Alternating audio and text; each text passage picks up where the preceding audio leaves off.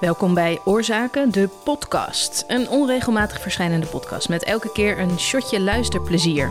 Vanuit Oorzaken, het platform voor verhalende audio in Nederland. En de komende afleveringen bestaan, net als de vorige aflevering, uit de bijzondere verhalen van jonge makers uit de Oorzaken Podcast Academy. Deze week gaan we luisteren naar Mia Vazekas. Zij was vorig jaar een van de genomineerden van de korte golfwedstrijd en deed nu mee aan de Academy. En heeft een prachtig verhaal gemaakt. Randy, kun je iets vertellen over, over wat voor een maker Mia is?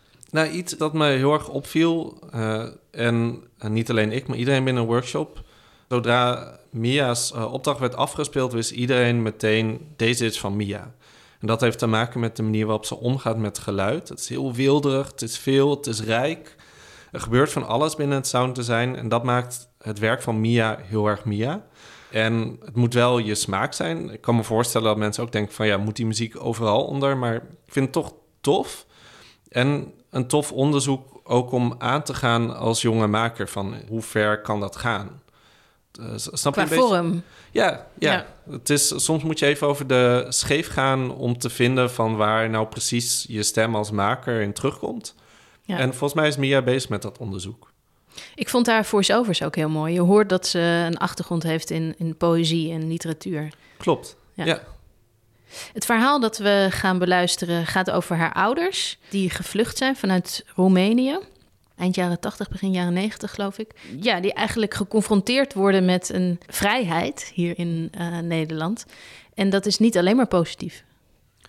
Klopt. Voor, voor mij gaat deze documentaire om de vraag van hoe kan het beeld dat ik heb van mijn ouders zo erg verschillen van de mensen die ze nu zijn. En dat is een vraag waarin heel veel mensen zich kunnen herkennen, denk ik. Ja.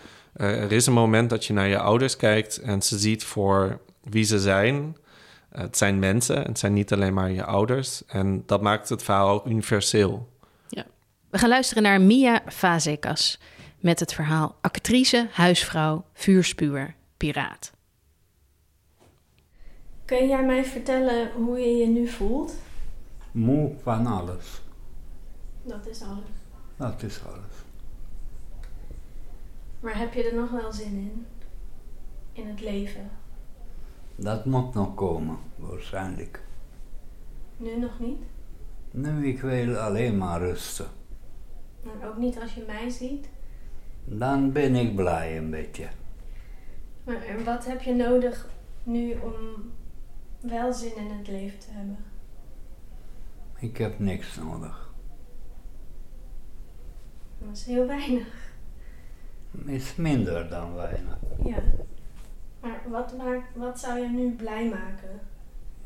Om langs een klein riviertje in de schaduw de water kijken en een koude bier drinken.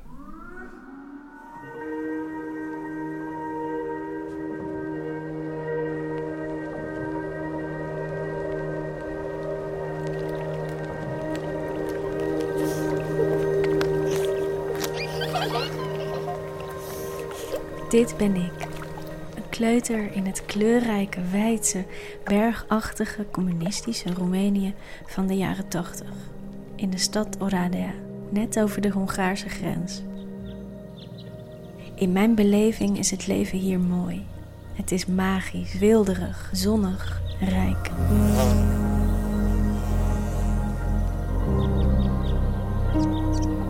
Mijn ouders zijn jonge levensgenieters met een groot sociaal netwerk en een artistieke, hoogopgeleide vriendenkring. Mijn moeder is gevierd actrice.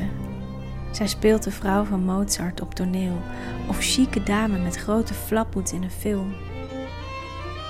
Mensen herkennen haar op straat en ze krijgt sinaasappelen van onder de toonbank als die niet te krijgen zijn in de winkel.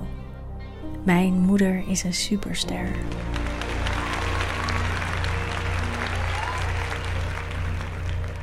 Mijn vader maakt dingen met zijn handen. Lampenkappen van flinterdun vineer, decorstukken, armbanden van hout. Hij is meubelontwerper en kunstenaar. Hij kan bellen blazen waar rook uitkomt wanneer ze uiteenspatten. Hij kan vissen op een rivier, de een na de andere karper, die mijn moeder dan s'avonds krokant bakt om van te smikkelen. We hebben het goed. Ik ben het gelukkigste kind ter wereld. Toch willen mijn ouders graag weg naar het verre Nederland. Waar mooi speelgoed en wel duizend soorten snoep vandaan komt en waar bijna iedereen blond is. Maar waarom willen ze weg? Het is toch fijn en goed in Roemenië? En wat is hier met ons gebeurd? Waarom zijn mijn ouders niet meer de ouders uit mijn herinnering? Hoe kunnen mijn herinneringen zo ver liggen van de mensen die ik nu ken? Ik vraag het mijn moeder, nadat we samen hebben gegeten bij haar thuis, terwijl mijn vader in het ziekenhuis ligt. Je herinner je uh, alleen de mooie dingen, omdat we hebben jou geprobeerd te beschermen tegen de realiteit.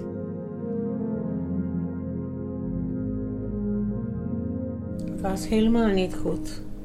Toen we weggingen, of de beslissing hebben genomen om weg te gaan, was helemaal niet goed. Drie uur per dag licht of elektriciteit, geen verwarming, was 14 graden binnen in de slaapkamer. We moesten jou twee trainingbroeken aantrekken en drie blouses plus een vest. En het was nog steeds koud. Eten kon je amper krijgen in de winkels. Ja, we hadden goede salarissen, maar we hadden niks om mee te kopen. Ja, ik was wel goed behandeld en bekend als actrice, maar je mond was uh, gesnoerd, zeg ik goed. Dus je kon niet zeggen van ja, ik ben niet mee eens met, uh, met uh, politiek of, of ik wil reizen. Dat mocht je niet zeggen. Van 1965 tot 1989 wordt Roemenië, dat ooit een koninkrijk was, geregeerd door een dictator, Nicolae Ceausescu. Een communist, in zijn leiderschap geïnspireerd door Noord-Korea en ook door de ideologie van de Chinese leider Mao Zedong. De o importanță deosebită pentru opera de desăvârșire a construcției socialiste, pentru accelerarea progresului material și spiritual al societății noastre, pentru viitorul poporului român. Als je geen lid van een partij was, dan moet je dat worden. Welke partij? Communistische was geen andere. Bestonden geen andere partij, alleen de communistische partij. Ceausescu is een man die abortus illegaal laat maken en een paleis voor zichzelf laat bouwen dat nu nog steeds behoort tot een van de grootste megalomane gebouwen ter wereld. Mijn ouders vonden Ceausescu een idioot. Dat mag ik nu zeggen. De zekerheid dat je collega's trouw waren, was er niet. Er waren geruchten dat de beste mensen, beste vrienden van je, waren informanten van de securitate. Die onzekerheid was heel erg lastig. Ceausescu creëerde een soort geheime politie, de Securitate, wat zekerheid zou moeten betekenen. Een corrupte organisatie die poogde alle Roemeense burgers in de gaten te houden. Dit ging heel ver. Iedereen die je kende kon een securist zijn, een informant van de communistische regering. Iedereen die contact had met een buitenlander moest informatie geven, schriftelijk. Met wie, hoe, hoe laat, wanneer, uh, waar. Uh, wat heeft hij met de persoon gesproken, alles. Dat was verplicht. Wat er gebeurde als je dat niet deed, is niet bekend. Er zijn mensen die verdwenen, moesten verhuizen. Waarom? Geen uitleg.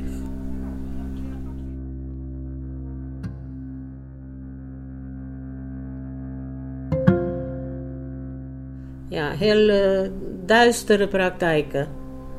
Dat is wel zo. Dus je was altijd bang. Toen papa wegging van huis, uh, ik was niet 100% zeker dat ik hem zal uh, zien. Of hij terugkomt thuis. het kon altijd iets verzonnen over jou. Als je intellectueel was, in die periode, dan was je zeker niet mee eens met de politiek. En dat was ook zo'n beetje zo. Informatie over jou kon ook verdraaid worden, zodat je alsnog in slecht daglicht kwam te staan. Bepaalde mensen hebben de waarheid ook verdraaid over papa, over mij, over mijn vader. Ik heb geen zin om uh, die stomme dingen te vertellen nu. Ze zijn ja, te, te laag.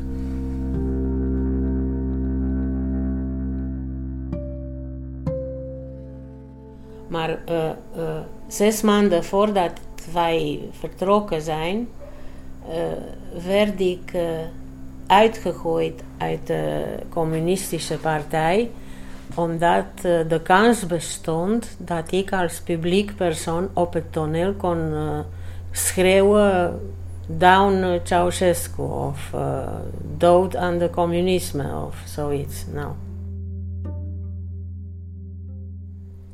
Dus alles, alles is een, een mengeling tussen enge dingen en grappige dingen. En onmogelijke dingen, absurdistische dingen. Na een procedure van twee jaar om toestemming te krijgen voor vertrek, stappen we met twee koffers en een grote babypop op de trein naar het vrije en altijd groene Nederland. We stappen uit in Rotterdam en worden vervolgens naar het prachtige Spijkenisse gebracht.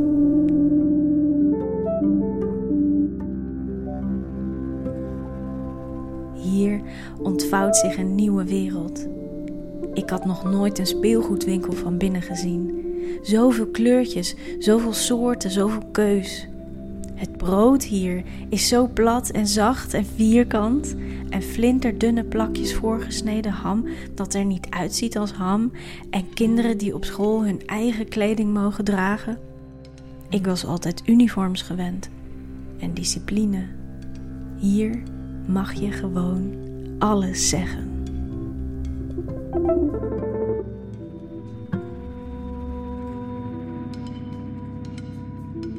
Was het een opluchting om hier te zijn? Ja, voor ons, voor, de, voor mama en papa wel. Voor jou was uh, alles was onbekend. Ten eerste de taal, maar die pakte jij heel makkelijk. Uh, voor jou was geen probleem, de taal. En ja, ik weet niet, ik, ik heb pas achteraf van jou gehoord dat je niet helemaal happy was op school met andere kinderen in de eerste periode. Maar dat hadden wij niet gemerkt. We waren veel te veel bezig met de overschakeling naar een nieuw systeem. Je mocht na één week al op school.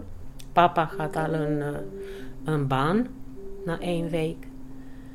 Ik moest overschakelen van een diva naar een huisvrouw. Dat was ook moeilijk. Niet dat ik het niet leuk vond, maar het was ander leven. Maar we konden ons redden, makkelijk. Met een minimale salaris die papa kreeg, konden wij ons heel goed redden we gingen met vakanties uh, overal in de wereld en we hebben heel, heel mooi gehad. Het was niet zo dat ik in een winkel ging en ik had geen geld om iets te kopen. Dat, dat heb ik nooit meegemaakt.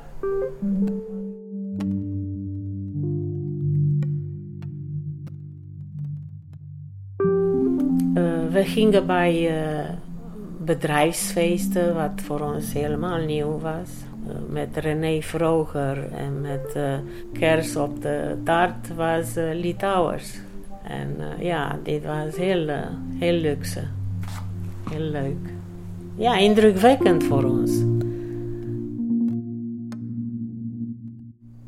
Ja, de eerste periode volgens mij was mooi. Behalve dat ik moest lang op papa wachten. Ik was veel alleen met jou. Eh, ja, papa moest uh, om de twee weken op reis naar Roemenië. Mijn vader reist veel tussen Nederland en Roemenië. De meubels die hij hier ontwerpt, worden daar in fabrieken gemaakt. Zeker 30 jaar lang reist mijn vader heen en weer en leeft tussen twee werelden. En hij werkte zich suf. Hij werkte uh, in Beuzichem en we woonden bij Rotterdam. Dus elke dag zo lang in de file staan. Ondanks dat we het fijn en goed hebben, voelen mijn ouders ook veel spanning.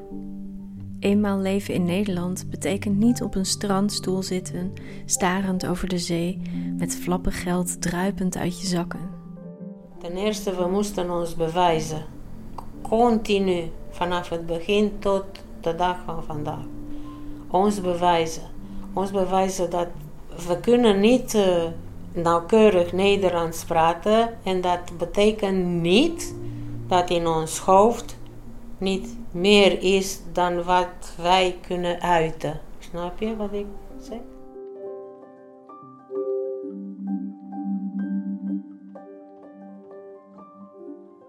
We hebben uh, uh, continu ons moeten bewijzen wie we zijn, wat we kunnen en dat wij zijn niet aan de rand van de maatschappij. Snap je? dat we hebben allebei hebben wij HBO gestudeerd. We willen verder gaan en hoger op de, op de ladder van de maatschappij. En dat is tot op een gegeven moment ons gegund. Maar uh, er was altijd een drempel. En die drempel konden wij niet altijd overbruggen zoals wij het had gehoopt. Mijn ouders voelen zich gedeeltelijk geaccepteerd, maar toch beklijft een gevoel dat ze er toch niet helemaal bij horen. Ze voelen zich nog steeds die Roemenen, die altijd net even extra hard hun best moeten doen. Vanuit het begin tot op de dag van vandaag. Nog het, steeds. Het gevoel dat je er niet. Dat, dat er je niet... er niet, niet, uh, niet, uh, niet verdienen om bij te horen. Mm-hmm. Is dat ook, denk je, waarom papa heel hard werkte? Mm-hmm. En maar bleef doorgaan en doorgaan? Mm-hmm. Kijk, ik ben beter dan jullie. Wat ik kan, kunnen jullie niet. En ik heb hem uh, erin gesteund. En tot op een gegeven moment is het ook goed gelukt, prima gelukt. En er zijn heel veel mensen die nog steeds zeggen van... Oh, zo'n stoel als Alex kan niemand tekenen. Mijn vader werd een wereldreiziger. In steeds meer landen werden zijn meubels gemaakt. Brazilië, China, India. Hij ging steeds verder weg en voer met alle zeilen omhoog. Ja, maar hij, hij, ja, hij was meegenomen met de flow. Het was uh, feesten en feesten en feesten na het werk. En hij wou hier ook uh, bij horen. Mijn vader gaat hard. Hij drinkt ook regelmatig. Altijd zijn wodka cola met een biertje. Hij rookt Samson checkies achter elkaar als een vuurspuur. Reist de wereld rond, doet alles wat God verboden heeft en trekt zich van niemand iets aan. En toen kreeg hij een hersenbloeding. -hmm. Dat hij een hersenbloeding heeft gehad, is natuurlijk door alle excessen. Excess is goed. Ja. Uh, maar ook dat hij een aanleg heeft voor slechte vaten. Gelukkig, de gevolgen van de hersenbloeding waren niet zo rampzalig.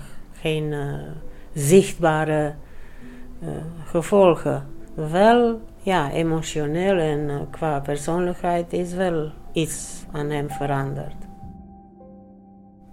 En daarna is hij toch doorgegaan met werken? Ja. ja. Op een gegeven moment, zijn voormalige baas zei...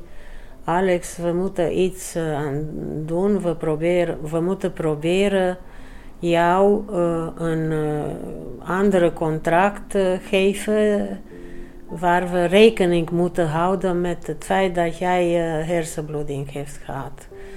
Uh, achteraf gezien was dat alleen voor hun financieel gunstig, voor papa niet. Ze hebben ja, bepaalde dingen achter hem gehouden, dus waren niet eerlijk met hem. En hij was ook uh, te nonchalant over. Want bij de eerste signaal dat het iets aan de hand was, had hij naar een uh, adviseur moeten gaan. En toen was al de kredietcrisis al begonnen. In 2010, 12. En toen in 2012? Mm Wat gebeurde er toen? April. Ja, we zijn uh, op staande voet ontslagen, allebei. De reden was economische, bedrijfseconomische redenen. Allebei de geldverdieners van het gezin. Niemand dacht, uh, wat gebeurt met dit gezin verder? Interesseerde ze niet. Dat bedoel ik met, uh, we hoorden toch niet bij. Mijn ouders zijn compleet uit het veld geslagen door hun ontslag. Ze hadden zich te hard vastgeklampt, ondanks dat ze voelden dat het niet goed ging binnen dat bedrijf.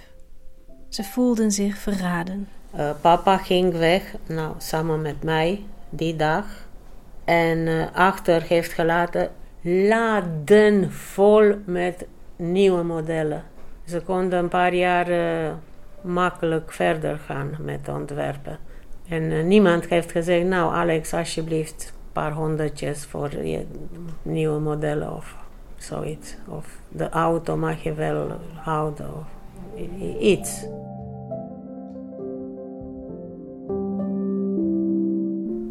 Nee, uh, ze geven ons uh, een contract en daarin stond dat papa en inclusief ik twee jaar vanaf die dag uh, niet in de meubelbranche mochten werken.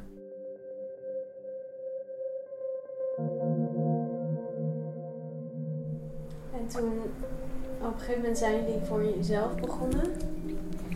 Herbegonnen. Ja. Ja. Maar uh, klanten zoeken was moeilijk. In die crisisperiode. We zijn begonnen in de hoogste punt van de crisis, economische crisis. Hoe oud was papa toen? Allebei 58. En alles wat wij hebben verdiend ging naar de schulden. Dus op, uiteindelijk uh, waren wij slechter aan toe dan wij begonnen waren. Plus dat wij geen goede adviseurs hebben gehad. Is papa in die tijd meer gaan drinken en meer gaan roken? Misschien wel. Niet opvallend, maar ja. En papa niet alleen. Ik drink ook mee als hij thuis was.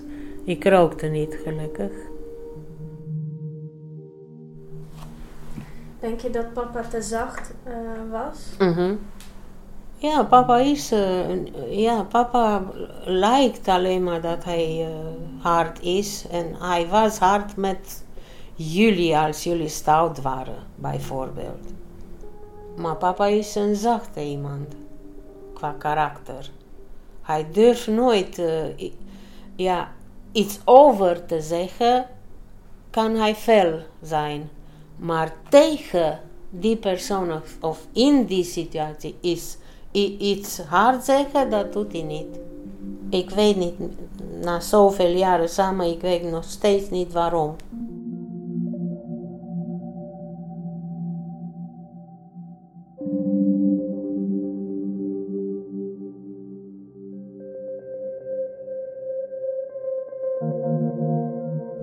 Niet dat hij bang is. Hij wil, hij wil conflicten vermijden.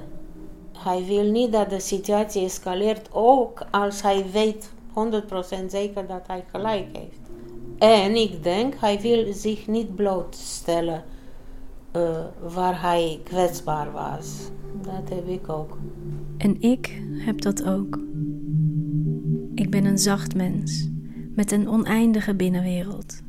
Toen ik als achtjarige in Nederland terechtkwam, veranderde ik van een dartelend en dansend kind dat gedichtjes las en kleine verhaaltjes bedacht, naar een zoekend, introvert kind dat zich geen raad wist met pesterijen van andere klasgenootjes. Ik leerde mijzelf gaandeweg staande houden, mijzelf trouw te blijven. Maar mijn vader keert meer en meer naar binnen. Ik heb hem zien imploderen tot nog maar de helft van zijn fysieke zelf. Het ontslag, de schulden, de verkoop van ons mooie huis en alle andere druppels spanning die op de achtergrond doorcijpelden, hebben mijn vader gehalveerd tot een man die alleen nog maar pijn heeft, van binnen en van buiten. Is het ook daarom dat hij zo lang niks heeft gezegd over zijn uh, suikerziekte of diabetes? Uh, het is niet zo. Het is niet zo dat hij niets heeft gezegd. Want het was bekend bij de huisarts dat zijn uh, suikerwaarden waren hoog. Maar hij, hij wou niet toegeven. Hij was altijd unbeatable. Hij dacht hij, dat hij on, ongenaakbaar was. Ja. Tijdens het maken van dit verhaal wordt mijn vader opgenomen in het ziekenhuis. Hij heeft een zware infectie aan zijn linkerbeen. Hij heeft ernstige bloedarmoede en er wordt een tumor in zijn darmen gevonden. Binnen een week gaat zijn onderbeen eraf en wordt de tumor verwijderd. In het ziekenhuis maak ik geen opnames. Het lukt me niet. Wel maak ik grapjes over piraten, houten benen en papegaaien. Onder de morfine kan mijn vader hier wel om lachen. Wanneer hij mag revalideren, bezoek ik hem vaker en neem ons gesprek op. Ik moet een beetje kunnen lopen. Ja. En niet alleen lopen, maar ik moet een beetje meer positieve instelling hebben. Ja. De amputatie en zijn kanker vallen hem heel zwaar. Ik merk aan hem dat hij zich verslagen voelt. Het kan zijn dat zijn, uh, zijn uh, toestand van nu, dat hij een beetje uh, de moed verloren heeft, hoort bij het feit dat hij drinkt niet, hij rookt niet meer, hij is niet in zijn omgeving meer. Hij wil niet een andere persoon worden.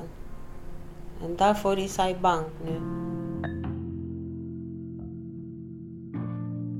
Hij is, zit in een dilemma over zichzelf, denk je niet?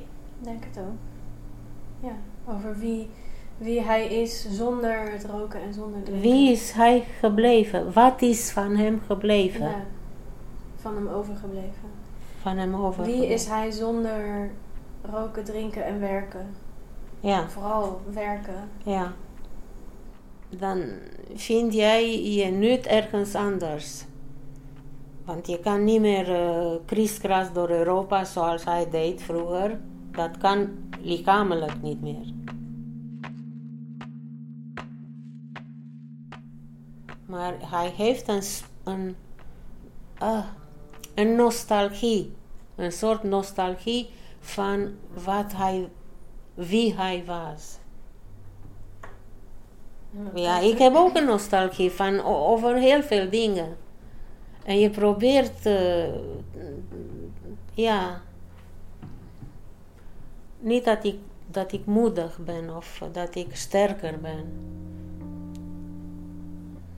Maar ja, ik probeer um, nuchter te blijven of te worden.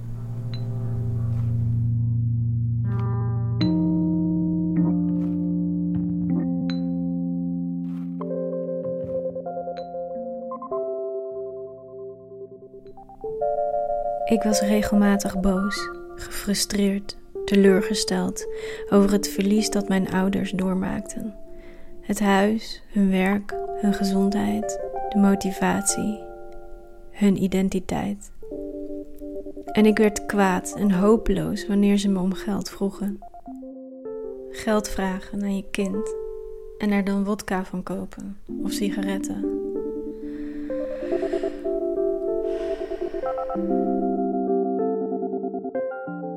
Sinds het slecht gaat met mijn ouders voelt mijn leven soms als een eeuwigdurend vallen zonder vangnet. Soms gaf ik mijn vader de schuld. Waarom kon hij niet van de drank afblijven? Waarom stopte jij nou niet met roken, papa? Soms baalde ik van de keuzes van mijn moeder, omdat ze nooit bij mijn vader wegging als bleek dat hij andere relaties had. En soms wilde ik boos opbellen naar het bedrijf dat mijn ouders ontsloeg. Hadden ze dezelfde keuzes gemaakt als ze Roemenië nooit hadden verlaten? Kan ik het mijn ouders kwalijk nemen dat ze de dictatuur zijn ontvlucht? Want uh, wat, wat was het doel van onze emigratie? Wat wilde jij? Ik wou in vrijheid, zonder dictatuur. Niet per se dat in de winkel is wat of niet. Nee, vrijheid. Kunnen reizen, kunnen denken en spreken wat je wilt. En ook voor jou een vrije toekomst te geven. En, en denk je dat dat gelukt is? Uh, ik denk het wel. Ja.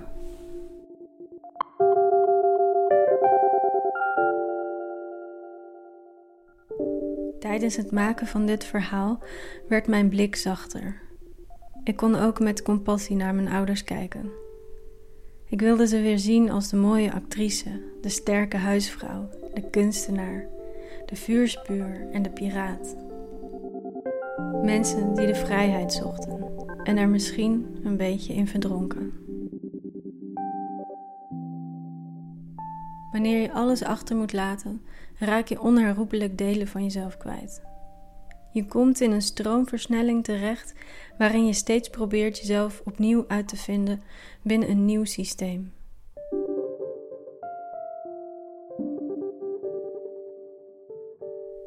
Ironisch genoeg heeft de kamer waar mijn vader ligt in het revalidatiecentrum uitzicht op ons oude huis. We kijken er samen naar. Als we terugkijken op alles wat er gebeurd is en op jouw leven en op onze emigratie, met de wetenschap van nu, zou je het nog een keer doen? Emigreren? Makkelijkste antwoord is waarschijnlijk wel. Ik was ook happy. Ooit. Oh, hier? In algemeen. Ja. Ja. Waar, waar ben je het meest blij mee en het meest trots op van uh, onze tijd in Nederland? Ja, ik ben trots dat we hebben toch samen wat bereikt. Die mooie huisje daar we hebben ook geld gehad, reisjes, vakantie. We hebben het ook goed gehad. Maar van de dingen die nu, nu er nog zijn, nu, vandaag? Vandaag is dat je bent gekomen en eh, dit is goed.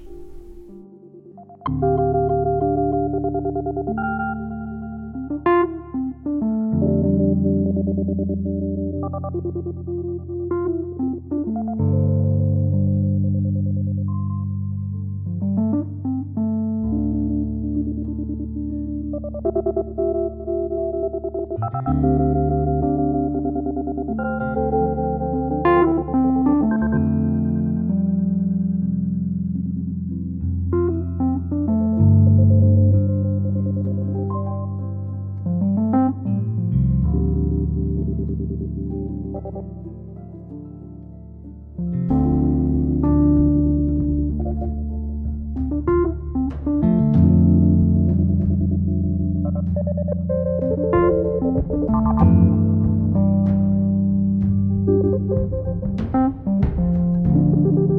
you.